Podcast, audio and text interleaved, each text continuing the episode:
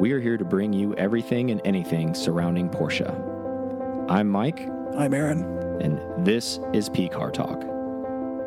All right, welcome to another episode of PCAR Talk. I'm Mike, And I'm Aaron. and we are back from Rolex 24, a frigid Rolex 24, right? A little bit. We'll get into that debrief, but before we get there, let's go ahead and thank our new members on the PCAR Club that we've been talking about, and it's out there. Um, there's a lot of more room in that membership, and we're going to shout out our producers and Sriracha Boys, right? Yep. Let's do it. So first off, we're gonna I'm going to the new P Car Club people that switched over or you just joined. Yeah, big shout out. Yep. We got uh, George L and Brad D of the new new peeps. And then on to the loyal Patreon people. So we got our producers first. We got Brandon J, Eric A, Robert G, Santiago H, Sharon C. And then for our Sriracha boys, we got Scott H, Matthew G, Brian R, Matthew M, Sean H, Nikki F, Todd M, Aaron L, Richard P, Ray L, Robert W, and Michael L. The squad's getting strong. It's getting strong. That squad getting strong, boy.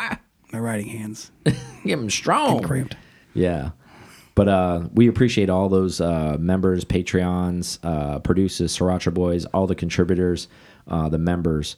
Make sure that you get on to the PCAR Club. I mean, excuse me, PCARTalk.com. You can join through there. Just say join the club, and it'll take you through all the avenues. Aaron's done a lot of diligence and set all that up, uh, so you can get on there. There is room for the for the club, so get it while it's hot. That will make you eligible to go on the annual drive, which we will be announcing a little bit later than we normally do. We figured we were announcing it in February. Everybody that's been on it before, it's going to be in the same time frame. It's going to be in September. Um, the exact dates haven't been announced yet. Um, there's a lot of back behind the scenes is working on that. Kristen's working on that stuff. She's always good at that stuff. Aaron and I are going to get together on some of that, and then what we're going to do is probably what Aaron we were talked about the spring maybe making a release date on that basically. Yeah, we can do that. I think we said Aprilish. Yeah, Yeah. That way it's not too far out. Um, and we'll do the first 100 again this, as we described. We'll get that email first probably about 72 hours prior to the rest of the memberships that have joined after the 100 but you're still going to be eligible because i'll be completely honest with you a lot of those 100 they sleep on it. So it's only 30 slots so you can still sneak in there no problem. Um, I think so. and I'm thinking maybe this year too, Aaron and I talked about this too, depending on how much that grows, um, we may raffle a spot off, but it'll be to like, it'll be to current members, not obviously outside of the membership, but somebody, some rando or something like that. It'll be pulled out, almost kind of like a giveaway. We could do a giveaway. Yeah. Like our giveaway to like that you can come on the drive, right? Like, um, you won't have to pay entry or any of that, but you'll still have to get your lodging on your own and all that kind of stuff. But uh, it almost kind of be like a bonus, uh, mem like so maybe thirty one cars, right? Yep. Um, but there's a lot to discuss behind that. Um, but I want to throw that out there. And again, with the um, Sriracha Boys, if we can get that built up in this year of 2022, spring of 23, we can probably do a spring drive for you guys. So on that growth side, make sure you pump that up. Um, and it's going to be a mountain drive. It's going to be similar setup um, as the foreign drive, um, but it'll be a spring uh, Sriracha Boy drive, and it'll be all its own decals, all its own shirts, obviously because its own separate thing. But um, that'll also be a fun rally that we can have set up. And Lots of hot sauces. yeah, exactly. And we have some ex we have a plethora of roads, so it won't be identical to the foreign thing. It'll be a mixture. Like there'll be some roads that you haven't seen before that we've pulling from other rallies on They've there. never seen before because they haven't been on it. Yeah, exactly. but anyways, let's go ahead. All right, so Rolex uh, debrief on Rolex. Wow, um, it was incredibly cold. I think it was the coldest. I can go on and say say that on, On, record. record. Yeah. Um, that was at least for Florida. I know up north it's a lot colder, but I mean, hell, when at night when it's 32 degrees and there's a 15 mile an hour wind, that's pretty chilly, and you're just standing outside. Um, I think I had three jackets on. Yeah, He was layered very, very well. uh, beanie, scarf, two pairs of joggers, basketball shorts, wool socks, gloves. There's no exaggeration. No, and and back and forth standing between the fire and our buddy um, Kevin, not Kevin, uh, hanging out in his van with a heater inside to kind of thaw out occasionally. And block the wind. Yeah, it was honestly like anything. It wouldn't have been too cold feeling if it wasn't for that wind. The wind was just piercing. Yeah, it was, and you could tell because the fire that we were sitting around, everybody that walked by would come like, "Can we can we stand here for a second? Yeah, can we just hang out And for a then- little bit? Then walk by. Mm-hmm. Because people were still trying to attempt to walk the track and stuff, and I was like, mm, as much as I wanted to and do some extra photos and video and stuff, I was like, It just really wasn't just- conducive for it it. was cold. It was, and it wasn't. It got colder as the weekend went on. It was Yeah. chilly Thursday and Friday, but it was really frigid on Saturday, the day of the race. And if you watch the race from home, I'm sure they mentioned it multiple times. The commentators, um, which is really wild too, because we watched I think the last couple hours of the race at home, and they mentioned it even during that couple hours I was watching.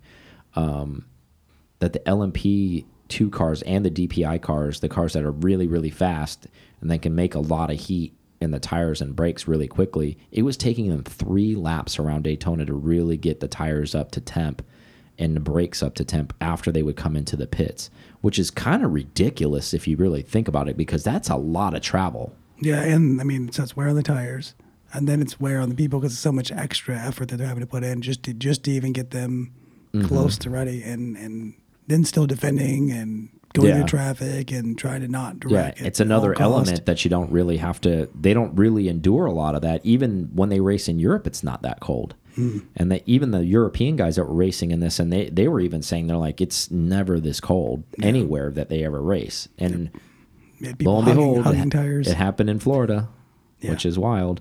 Um, but congratulations to Wrights Motorsports, uh, Pfaff uh, Motorsports, both of them winning in class GTD AM for Wrights Motorsports and Pfaff, and then GTD Pro. If you haven't watched this race, um, this isn't lip service. Uh, in the GT Pro, T, GTD Pro, Pro category, excuse me, um, Pfaff and what was the name of the team? Vanthoor's team that he was on. oh, good question. Uh, Anyways. it's like W something. Yeah, I no no disrespect to them, just we don't know the name of the team because they've been out. They used to run prototype cars. Now they're running a, a GTD uh, pro car. Anyways, Vanthoor was in the last stint, and he's raced with and against uh, Pele before. If you haven't watched those last two laps, these guys probably battled harder than I've ever seen any two cars ever battle. And the cool thing about it, it was two Porsches battling. I mean, there was a lot of bumping. KCMG. Okay, KCMG.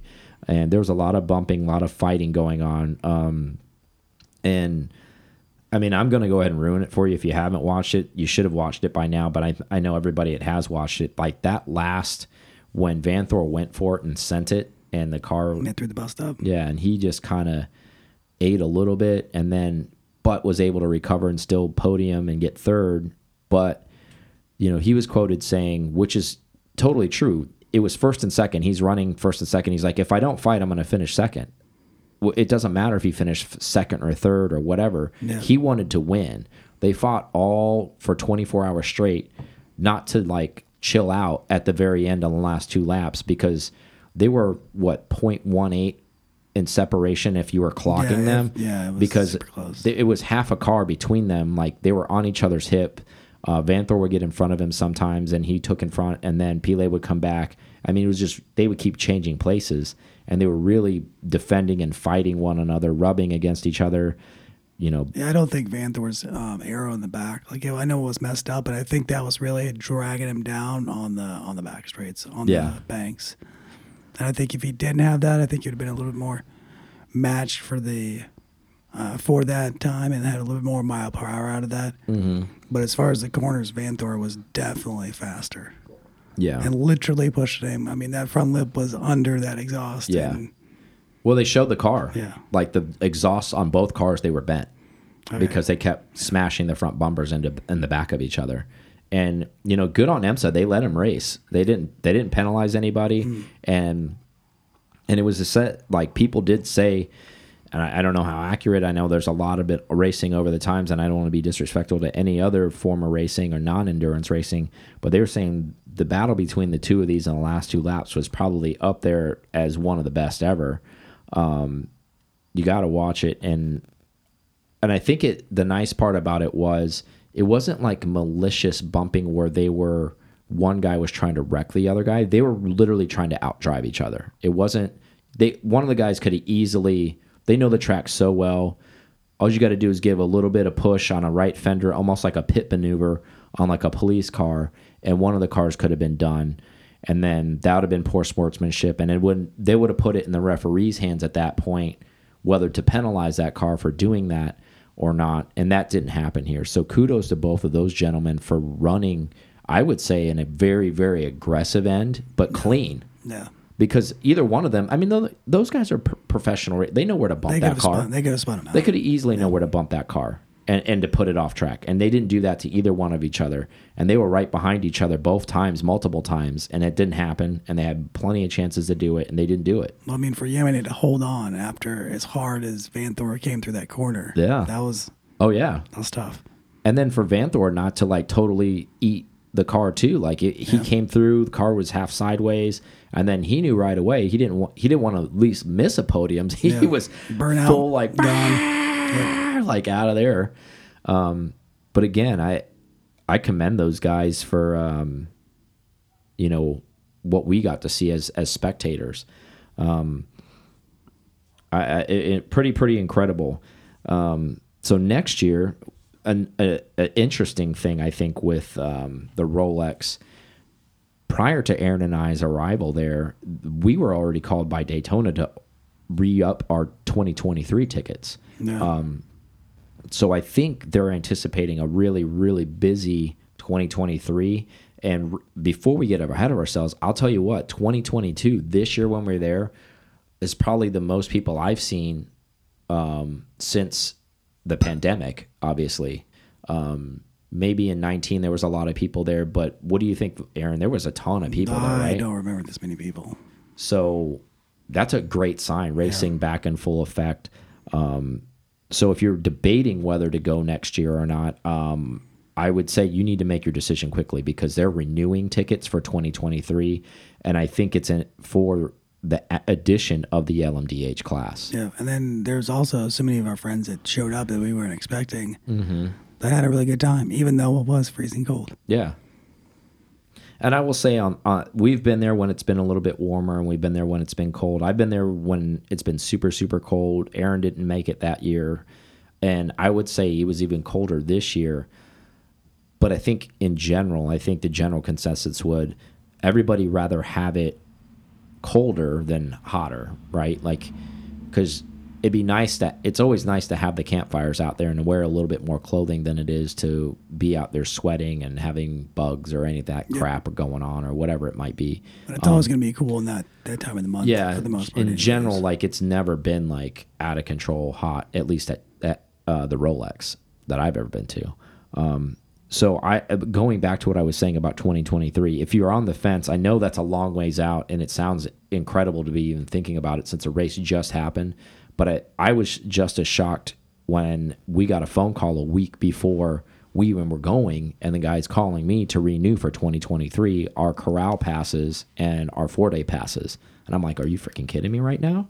Yeah. And he's like, Well, we're renewing them now because next year's going to really be a big year. You know, they're adding that other class, and we just want to make sure everybody who is on it. And if you, we've discussed this before on that corral, you're grandfathered in. Um, they want to give everybody that shot again to be grandfathered in before they release that into the public. And I went ahead and renewed ours because, and I told Aaron, I was like, I don't want to miss that opportunity. Yeah. Just in case they're like, well, we gave you a chance to renew and you didn't renew. I was like, what, the week before the 22 race? And like, because I Yeah. didn't renew for 23, I'm out?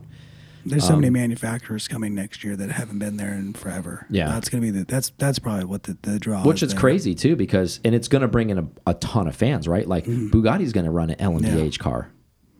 They Oh. haven't been in a race series in freaking forever. Maybe all thousand owners show Yeah. up.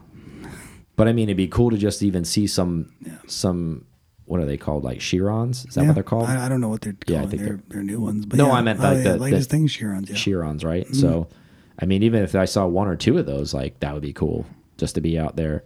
And I think um, Lambo's running a prototype Pretty much too. everybody from the Volkswagen group is Yeah, is running a out. prototype, right? Mm-hmm. And an interesting thing about that, if, if you guys don't know and ha and dug into that a little bit, um, we got a little bit more feedback at being at this race. Um, each individual, like class, I guess, not I shouldn't say class, manufacturer is gonna be able to run their own style of hybrid battery and engine. Yeah, it's their own thing. um, which is a lot different than the current prototypes if you're following prototypes because a lot of those are shared uh, battery cells. So, and a lot of them are shared monocoques. Like you're a, you're a Cadillac or you're a Yeah. you're whatever the other manufacturer Yeah. is. Yeah. Dallara or something like Yeah. that. Uh, so uh, it's going to be up to the manufacturing and the engineering. So everybody, it's a true prototype for the manufacturer. It's not some like DPI, like they all look the same. They're running very similar stuff. It's not going to be like that. It's going to be wild. There's going to be all different types of stuff. People are running all different types of things. Porsche's already announced they're running a V8 twin turbo with some type of hybrid motor assist on that. Um, that's going to be wild. I'm sure that's going to sound insane. Um, I'm sure it's going to have some crazy cool livery on it. Um, Thanks Cayenne Turbo GT. I'm excited to see. I mean, I'm really excited to see the Porsche thing. Obviously, being a Porsche Yeah. enthusiast, but I'm really excited to see all of the other ones, even like Bugatti and you know what everybody else is going to run, what Lambo is going to run, what everybody else is going to run. We're going to see some wild designs, um, almost like back in the golden era of like GTP racing back in the day, where we were seeing 962 stuff. Um, I think this is going to be the modern take on that, and I think that was the goal of it too. Even Derek Bell and all those guys said like, no one wants to see these DPI cars anymore. No one wants to see these stupid prototypes that look exactly the same. We need to bring this back to the era of the the 962 and like when the 917 and the 4 GTs and all these other cars got to do their own thing and make these radical designs to go win the overall championship. Yeah. And Let I the think manufacturers do what they can do. yeah, and let them be individuals. Um, and I think us as fans, we're going to really, really get to benefit this from in 2023. And I, and I'm super excited um, to see what that might be like. We might end up going to more races in 2023 Maybe. because of it, right? Like we might end up going back to Petit Le Mans. We might be going to VIR. We might be going to some of these other places to go see these races because the series is going to be that much more exciting, right? So, enough of that. Let's move on. Uh, Porsche Taycan. Now, this is going to sound really strange because even when I was reading this and doing my notes and bringing this all up, so bear with me. Um, coast to coast, LA to New York, it did it in 2.5 hours of charge time. So it only, of that time it took to go the five and a half, six days it took took to go to LA to New York, it only spent two and a half hours on a charger total. Um, that's a new world record. You say, how is that possible? I wondered how that was possible as well. How is that even possible? Um, How is that possible? so apparently, the Taycan motor can go from six percent to eighty-two percent in twenty-two minutes of battery. Um, so what they did is they put like some world-renowned hypermiler in this car, and let him basically drive this car at like sixty-eight miles an hour across the U.S. to make sure he saved as much battery power as possible um, and get as much mileage as possible and everything like that. So they charged about seven times. yeah. Yeah. So now that's a new world record, which is, you know, whatever Guinness Book of World Record type stuff. But Still cool. it is a, it's a cool record. I mean, it seems like you know Porsche's racking up a lot of records with the Taycan. Um, the last um, world record holder was Tesla, and it took it took them 13 hours of charge time to get across the country. Um, so that's a significant difference.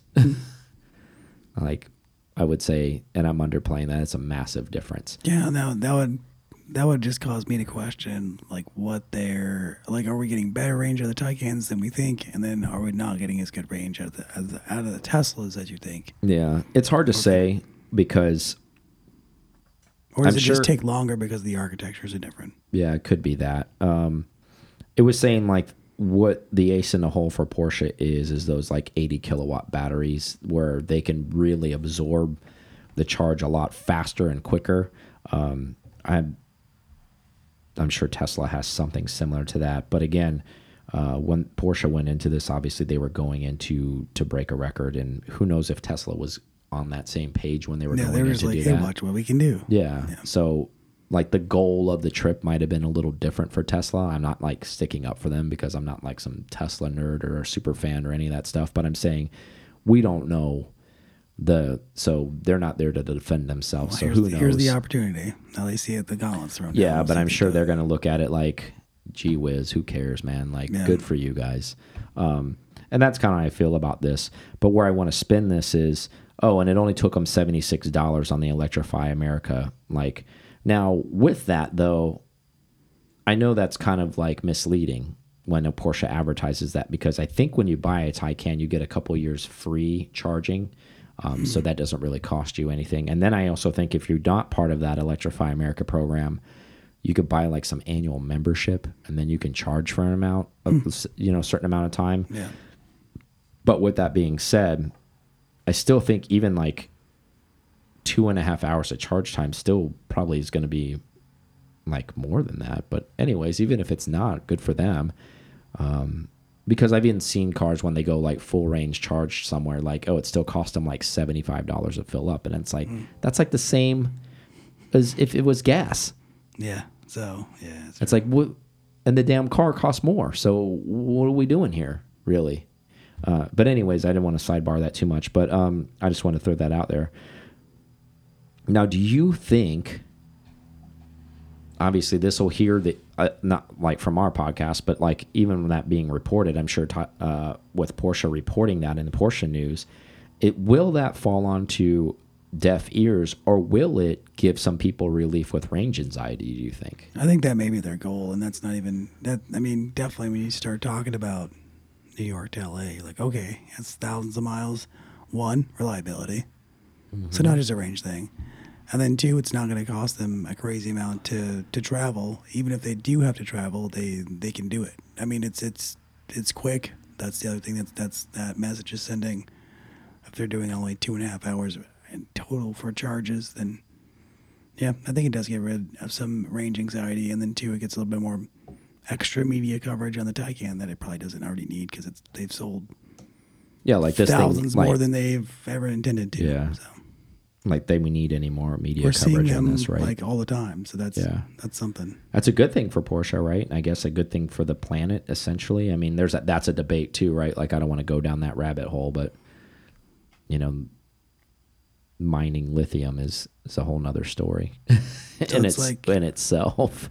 So it looks like it's like thirty one cents a kilowatt hour, and then a four dollar fee for month uh, for the Electrify America. Okay. So I guess I mean seems legit, I guess. But yeah, I mean, and then on the flip side of this too, like it did say charge time, so it didn't get into the how long did this individual wait to hit the charger, like if there was full when they had to charge, any of that stuff. Um, so it wasn't a run across LA to New York in the sense of where a cannonball run is, where they're trying Yeah, to Yeah, that's the first thing I thought about. I was like, okay, so no, but it wasn't one of those things. Like, because so it's misleading. You really have to read the details, right? Like, so you hear two and a half hours. It's like it's two and a half hours. This thing was hooked up to a charger. Yep. It still took this thing like seven days to get across the damn U.S. Basically. Mm. Um, I'm exaggerating. Probably like I think it was five and a half. I think really, but anyways. The point of the story is, is like it was hypermiling. I'm sure the AC was on. They were probably making sure there was a tailwind, like drafting behind semis. Who Yeah. knows what they're doing really, in all seriousness. But um, I think it's a G whiz thing, and like another Taycan in front of it, just to yeah. Just no, there's a yeah. there's a Cayenne in front of Cayenne, it, like blocking out yeah. like all the wind, basically. we got this. Um, but if if you hadn't paid attention, they've been doing this all of 2021 too. I think Leh Keen holds one of the indoor, the indoor records, records, yeah. for the Taycan fastest electric car indoors or something like that. Like, what? Who's making these like things up? It's kind of like, like I joked around before. It's like the guy. It's like I have the most triples in the seventh inning in the month of August in Major League history. It's Yeah, like, cool. okay, cool. Who's keeping count of that? It's like I am asshole. That's I me. have the record. you know what I mean? It's just kind of like obscure, Yeah. obscure records where it's kind of like Taycan's the fastest drying electric car ever. Like it's you know, just kind of like Porsche's dude, just running out of things to win. like- They're like, we need something else. exactly. Uh, just just wild, wild stuff. But uh, I thought it was news enough, um, especially people that were on the Was it- fence. Uh, my question was, was it a regular Taycan? That's what it was. Or was it a? It didn't um, say Turbo uh, S or any of that. Said said just Taycan. So I'm assuming so. So that's what they used. They used the lowest power Yeah. output one. On the had, lightest, the lightest lightest they one, had, too. yep. Lightest. It's not even a damn word, but Welcome to Lotus, lightest. yeah, boy, give me one of them lighterest over there, man. Give me them, give me the Bud lighterest. I want one of them. Less calories. Bud man, it's, but it's light. It's lighter than light. It's lighterest, brother. it's a new beer. um, let's take a quick break, and then we have some stuff on the backside. Yep. And we're back from break. So if you guys haven't seen Porsche design, kind of for I think what was it, sixty years or fifty years? It was an anniversary. I think it was fifty years. Yeah. So they did the throwback on the Orfina watch. If you don't know what the Orfina is, go and look it up. It's a really popular 80s uh, Porsche design watch. Orfina did a lot of work with the military spec watches too, all in Europe. Um, and those are very sought after watches as well. Um, now, due to pandemic pricing, those watches in general have gone up. But pre pandemic, I was able to grab a Porsche design Orfina watch for a reasonable price. yeah, like half what they're going for right now. Um, the Not new, better. I'm just saying. The new ones are going um, for right around 8K, um, and they're only making 500 units. Um, so first, I have a couple questions for you, um, and we'll lead on to obviously you were looking at some point, and that we'll get to that part. Um, thoughts on them bringing this back in the modern take as a throwback? What do you What are your thoughts on that? I think they brought it back as the new Top Gun. I just saw an article. Yeah, I think it's I, maybe people are looking or seeking after this watch enough that it's drawing some attention for them to bring it back. Um, I mean, we know Magnus has worn it or at least shown it off a ton of times. I think that's probably, at least in the Porsche community, has caused a few buys to happen. yeah, I agree with that. And it's an anniversary, but I still, I mean, it's been several anniversaries. They've Yeah. celebrated so many different years. That's this, true. So it's it's it's a little bit of an odd thing for them to bring it back, and then for them to bring it back at a price point, and maybe materials are more now, Mm-hmm. but at 8K when the used ones are going, Yeah. you know, the vintage ones are going for like half, well, less than half that for some of them. Do you think that's this is going to raise that though? probably that? That's the other the other worry that I had. I was like, Yeah. well, now there's new Even stuff, more reason, right? and so the And now they're only making 500 of them. yeah. And Do you I- think that's a mistake? No, because I think they want to sell them out.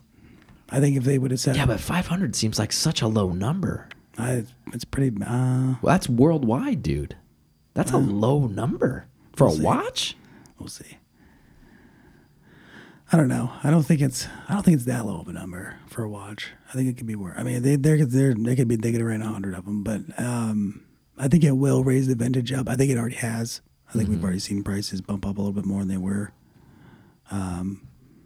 I know they're But hard to you come by. But the other thing is too the um the the black the way they did the blacks back in the day. They're uh, it's hard to find one that's perfect. Mm-hmm. The the material, the PVD, how they did it way Yeah. back in the seventies and and eighties. It just it's not a the material didn't hold up over time. yeah. and it brasses. It looks cool if that's Yeah. what you want. Yeah, and I think a lot of people, including myself, that were seeking that watch, um, I wanted one with a little patina on it. Mine has a mm-hmm. little bit on it, and I think I like the new watch. Don't get me wrong, but I don't know. I think the the mystique of that Orfina too. I mean, it's cool that they came out with a new one, but it was kind of like where they have a little bit of wear and tear and a little bit of patina and the only people I mean I've seen Magnus but I've seen other I've gone to a lot of other Porsche vintage rallies and stuff and it's just like the vintage cars it translate over to the vintage watch um, they don't mind it being a little bit of patina on it or a little beat up or whatever you want to call it and I don't think the people that are buyers for the vintage are buyers for the new watch Yeah, I, I could see that. The newer now, I think maybe people with maybe it have the means, maybe just bu will buy the new watch, even if they're a have to have classic both. watch, to say they have both. Because especially anytime they throw a number out there and say we're only making 500 of this, so now this is going to be a box and papers where it sits in a place somewhere. we and now this old thing's one. probably going to be worth 20 grand in five years. Yeah, because you already have the old one. You're gonna wear it just like you've been wearing it. And then hey, Yeah. you have the new one. You're like, yeah, I got the new one. But Yeah, but I'm not wearing it because it's brand new. Whatever. Um, or you baller, you buy two of them, and Yeah. So, okay. So back to you on this. Are you when you were looking for one? Does this change your? I mean, obviously, don't we don't need to get into if you're currently looking for one or any of that stuff. But like, if you were looking for one, does this change your outlook at looking for a vintage? Does this turn you off or turn you on to maybe a it did. vintage? This one came out in a 40, didn't it? yes. And the other ones were smaller. I don't think they were 40 They're not. they? They're like they're not that much smaller. Like 38. Okay, so that would be that would be a difference. Maybe, maybe, but I don't know that it makes it. I don't think it's a three thousand dollar difference. Yeah, 38 or th I mean that, 38 or 39. I want to say mine's like 39. It's close though, man. Yeah. It's super close. Um but from your perspective since you were hunting one and you didn't score one, does this change you from wanting a vintage one anymore because they've made a newer one? Does this kind of turn you off? Or do you think or does it turn you on? I think I, would- I'd still want a vintage one, just because I like I I just like the fact that it was the first. I guess. That, Yeah. that- that's the that's where I look at it. Versus this one, kind of like, well, it's cool, but it's like a almost like a remanufactured something, like like anything. Like it's yes, it's a Mm-hmm. Like new a resto version of mod? it. Yeah, it's like it's a yes, this is virtually the same thing. Yeah. but it's not at the same time. This isn't a 73 RS. Yeah, it's like a tribute. It's almost like a tribute. This is a it's- but it's, this is a G Body SC made to look like a exactly. It's, that's not the vintage piece, and I, I think that's the only thing that's got got me chasing it. Um, the older one. Yeah. It's just Do you that- still that want fact. one? Yeah, I do. Yeah, okay. I just know we didn't haven't talked about it in a long time. Um, yeah, I think it's interesting. I, and for a long time, I think their bread and butter, at least Orofina, and and I don't want to mix this. Like if people don't understand, Orofina is really the watchmaker. Yep. So And they've done a few different companies. but- exactly, mm. uh, and and again, going back to these foreign military watches, those are very sought after too. Um, and they made them for all branches. They made them for the Navy, the Air Forces. I mean, I think they made them for a couple. You know, I think there's like Finnish Air Force like stuff, and there's just all different. Italian Air Force has them. They're they're all over the place, and and and in the watch community, you know, I don't want to get too in depth because this isn't a watch show, but they are pretty sought after in their own rights, even if they don't have a Porsche thing on them. Like, oh, they're like, oh, that's a Italian Navy or Orofina or whatever Yeah. it is, and they even made their own like, you know, these are all chronographs I'm talking about. They made dive watches too, so I mean, they're they're a well established company. Um, but I think the uh, the vintage Porsche Orofina watches, and, and I agree with you. I think Magnus uh, brought a lot of light to them uh, from back in the day because obviously he's he's Captain Vintage, um, and he's owned a couple of them, and he always wears it. And I think he's talked about it several times, and I think that alone, um, back what was that five or six years ago, the people that were paying attention to that when he talked about that watch um, went out and bought one of those watches. I was always kind of looking for one, but I wasn't willing to pay what they were asking. I think around that time they would fluctuate anywhere from two grand to like thirty five hundred. I think at any given Yeah, and it time. seemed like it. I mean, and they have both the um, black versions and the silver versions, and then yeah, the silver versions seem to hold up a little bit better. Obviously, they don't have a coating on it to, to wear off. yeah. And If the was- black ones, I think, yeah. are the ones that are more desirable. They I think because that's what I was hunting after Yeah. too, and that's the one I wanted to get because I did come across a lot of silver ones, and I just didn't really have any. They just really didn't look the same. I guess they didn't have that same old school feel to them, that old school look. Um, and then, and it's kind of like a I don't want to like give it a characteristic of saying it, but it, it flies under the radar, right? Like if you don't really know what you're looking at, which I kind of like, and that's kind of like what I have with the Speedy. Unless you're like a watch like person person, like it, you don't know what it is, and that's a good thing in a lot of scenarios. To be honest with you, you know you don't want people to look at your rich watch and be like, oh my god, that's a Roly like Daytona or something like that, and then snatch it off your wrist. But So the so there's a legend behind the watch is this was uh, twofold. One, it was to match uh, Ferdinand's Porsche. okay, It was the first all blacked out watch okay, back in the day, and the other one was just on functionality. nice. So he liked the legibility of the gauges found in the cars and planes with the white on black designs. Yeah. That's Which, yeah, like was that function, function and form, right? Yeah. Mm. So it becomes a beautiful design because it's functional, um, and it makes sense from what he's saying because if you look at some vintage, I mean, you can just Google it. You don't even need anything special. Look at old school airplane dials. Um, they're black faces with white or orange hands, so you can see where the damn hands are at on the thing. Yep, that's time, that's same. basically what this watch is. It's a black background with either yellow um, or orange hands. That's it. it's that basic. Um, but anyways, I thought it was interesting to bring up since Porsche Design came out with this whole, you know, release and did all this stuff. I think personally, I think it's a little odd that they're only making 500 units worldwide because I think for me that sounds like a very low number. Even though 8K sounds like a lot, but in the grand scheme of things in the watch community, you think about all these secondhand watch places that are probably just buying watches to resell watches. I think that's a very, very low number. Um, I think Porsche should have, but again, it must have been a deal that Orofino maybe capped on, and where they're kind of saying like, Like, we can "Hey, we're so not going, many." yeah, we're not going to go and make these unlimited amounts of watches because what if you get an order for twenty thousand watches? Because now they have to change their game plan of their own company because they're making them for Porsche, and that's not their. When they were a smaller company back then, where they wanted to collaborate with a lot of other places, they could do stuff like that. But they're a modern company, and they're they're their own entities, so they can't sit there and take an order for that many. So actually, probably makes a lot more sense why they, maybe they capped it, not Porsche capped it um, on that. But anyways, enough about that, right? watches are watches. So back to 992 Safari stuff. Um, so there's some renderings out there, and I don't know because it doesn't say this is a rendering, but I'm assuming it's a rendering because it's not on Porsche's actual official, and we haven't seen the actual release of the 992 Safari yet. However, if you just go ahead and like Google the 992 Safari rendering, this one's probably about the closest one to maybe real time that exists. And if I have to be honest with you, this thing looks like shit. Is the Top Gear one you looked at? Is it the yellow one that you're looking at right It's now? a, no, it's a white one with No, stripes. that's not it. No, okay. There's this yellow one. It actually kind of looks like maybe what they would make it like. Um, and I'll show it to you. But anyways, I hope it's not that. But so that's why I said I want to get overly critical on it. But with that being said, go ahead and take a look at it. Um, it's it's interesting, but I don't know. Like it's definitely the article was written with some misleading stuff where they're saying like this is going to be in a category where uh, not a lot of people are going to afford it. So they were they're almost leading They're gonna be like, they're thinking that Expensive. Porsche's going to take a lot of like maybe make a low number on this thing. well, I mean, it's their first time actually producing something.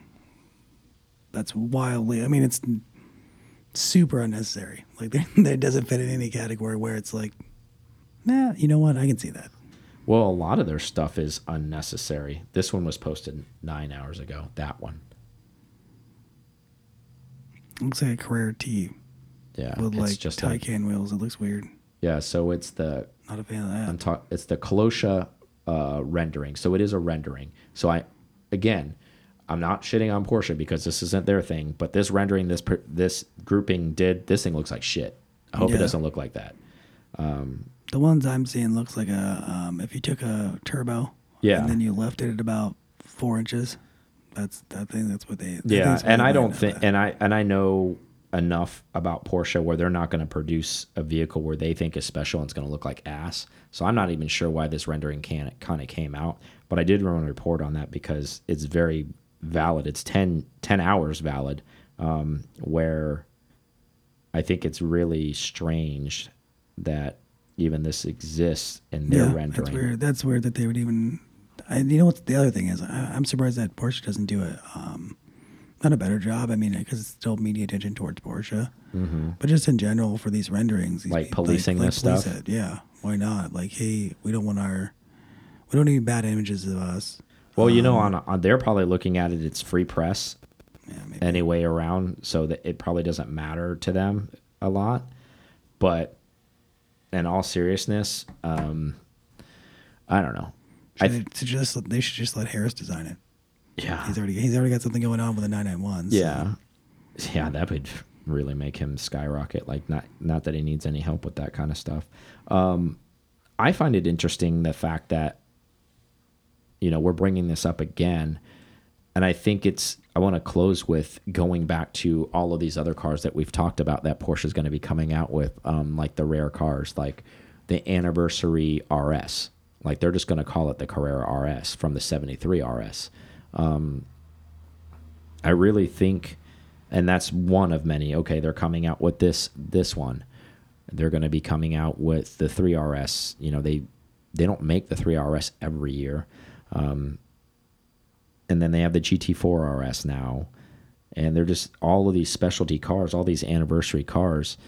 They're they're telegraphing what's coming here. Like they're this is an end of a probably a special era, and they're literally making every car. So if you're a buyer and you can afford maybe one of these newer cars, I would say it would be a good move to buy one. To be honest with you, Yeah, and even they're gonna be even if you so- yeah, and even if you can't buy one of those, go scoop a, a Carrera T. That's a special car too. That's a that's a hidden gem. We were talking about that at Rolex a lot Made with a lot of bunch, people Yeah. and there isn't a lot to choose from. If you go looking for them right now, at any given time, I think nationwide there's maybe 20 or 30 of them for sale. There's let's put it this way, there's less of those for sale than there are 991 GT1. I mean 991.1 GT3s for sale right now. Let's put it that way. So that'll really put things into perspective for you. Now they're not cheap. They they never really were. They got into the mid 80s and I thought they were going to keep plummeting and then they just shot right back up. And so you can get a solid one now for probably around a hundred, hundred and some change maybe. Um About 117.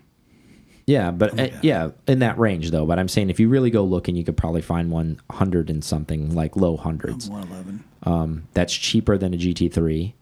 I think it's rare enough where it's going to be a special car long term because they just didn't make that many of them. Um, and by default, not by purpose. Like if- they were saying, if anybody wanted one of those, they'd make as many as they can. Um, but people just didn't buy them. One in North Carolina for 84. Exactly. Yeah. 12,000 miles. So would you buy one of those if you were in the market? If you were hunting a GT car right now and not and and we know a lot of friends that are like, I'm not paying GT car prices. Prime example, we had two friends Actually, we should this past weekend that said, I- want to get a GTS. I, What do you think about Carrera T's? We should send this to them for sure. This one has PCCBs, yellow seat belts, black. It just Well, they should be listening to the show because this is free advice. Um, black on black. It's got the black shadow line trim with the blacked out tips. Let's see what the interior looks like. Uh, yellow gauges. It's PDK. I don't know if they. And then um, it's got the pinstripe seats. Yeah, those are the money ones. Yeah, it looks. It looks like it's got every other option. It looks pretty dope. Yeah, so I want to throw that out there. I'm a big fan of it. We know somebody who personally has one. We've been up close and personal with it. We've seen what it's been able to do in the mountains. It's a fully, fully capable car. It could do track time. It could do around town. It hides. It doesn't have a huge spoiler. So if you're one of those people who doesn't want to be flashy, you don't even have to get one of these loud colors it comes in because it does come in Miami blue. It does come in the speed yellow, but they also have silver, black, white. You can get one of those, um, and it can kind of hide. It's got a crap ton of power. Um, it's a cool car, and it's a low production car. And the people that are in the Porsche realm that see that when they see it, at least especially even us and everybody in our inner circle, they're like, "Oh, that's a Carrera T." Um, you know, I don't, I don't think GT3s are anything to scoff at, but I think it's a great alternative. You know, so for you not to go pay 150 for a 991.1 GT3, go pay 110 for one of these or 100, and you still got a great car Oh yeah, I mean, and then you throw a tune on this thing. If you're one of those kind of, if you're like a hot boy like us, or one of the Sriracha boys, you go and you know put an exhaust and a tune on this car. It makes 500. There's a guy in Miami that has, and that's not doing like some massive like hurting tune. That's just a normal because this car is turbo. That's a wake it up tune. Put an exhaust on it to free up those turbos, and this car makes an extra 100 horsepower. So it's easily, and it sounds great with those turbo whistles. Um, I don't know. That's a money car.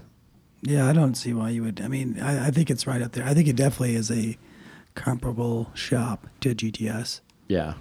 and then save you a couple bucks. I would even on say the- GT3. I- It's not the same c- Yeah. car, but I would. s- It does a like you can hunt one that has rear steer. You it's it's a great car. Like it's it's a great mountain car, Yeah, I did definitely. I mean, it kept up with everybody. and you could save forty grand. I mean, I'll tell you what. He was on Chris's nuts, and he's Yeah. running a 991.1 tuned Yep. with exhaust, full exhaust, set up for the track. and I think Ernie's car only has exhaust on it, and it has rear steer, and his is his was manual, and Chris was paddle shift, and he was not leaving him. So Ernie's car's not even tuned. So it shows you you don't need 500 horsepower because I think that car's rated at 380. Yeah, you just need balance, and Yeah. that's it. Now, because of its turbos, it does have more torque than the GT3. So that's probably the difference up there. It helps a lot when he's digging through corners. Um, but to be honest with you, if, if you're out there hunting and you feel kind of lost and you feel kind of down where you're just kind of like, I really, really want a GT3 and I've been saving all this time and now it's kind of starting to creep away from you, but you have that 110 or 115 where you thought you might be able to snake a 991.1 and that's because those have elevated. Um, I wouldn't say that you're in a bad company by buying a Carrera T. I think you'd be in, really happy with that car. Yep, I think so too. Um, Especially because you can get it in a manual. Yeah. And if that's what you want, or if you're just kind of like, I just think it's a lot of car, even at 110 or 115, um, for what you're getting. And there's not many out there now that is going to be a low production car for that price in the Porsche world. Um, and again, not by purpose, by default, but that's kind of cool in its own right um, because of that. So So you get a special car by default. yeah, Yeah. exactly. Um, I don't have anything else for them. Do you have anything else? I don't buy a Carrera T. Yeah. The more you know, now the rainbow goes above. Buy a Yep. Carrera T. All right, folks. Well, we'll talk to you on the next one. All right, that's it. See ya. Thank you so much for listening to this episode of PCAR Talk. Connect with us on Instagram at PCAR Talk or online at PCARTalk.com.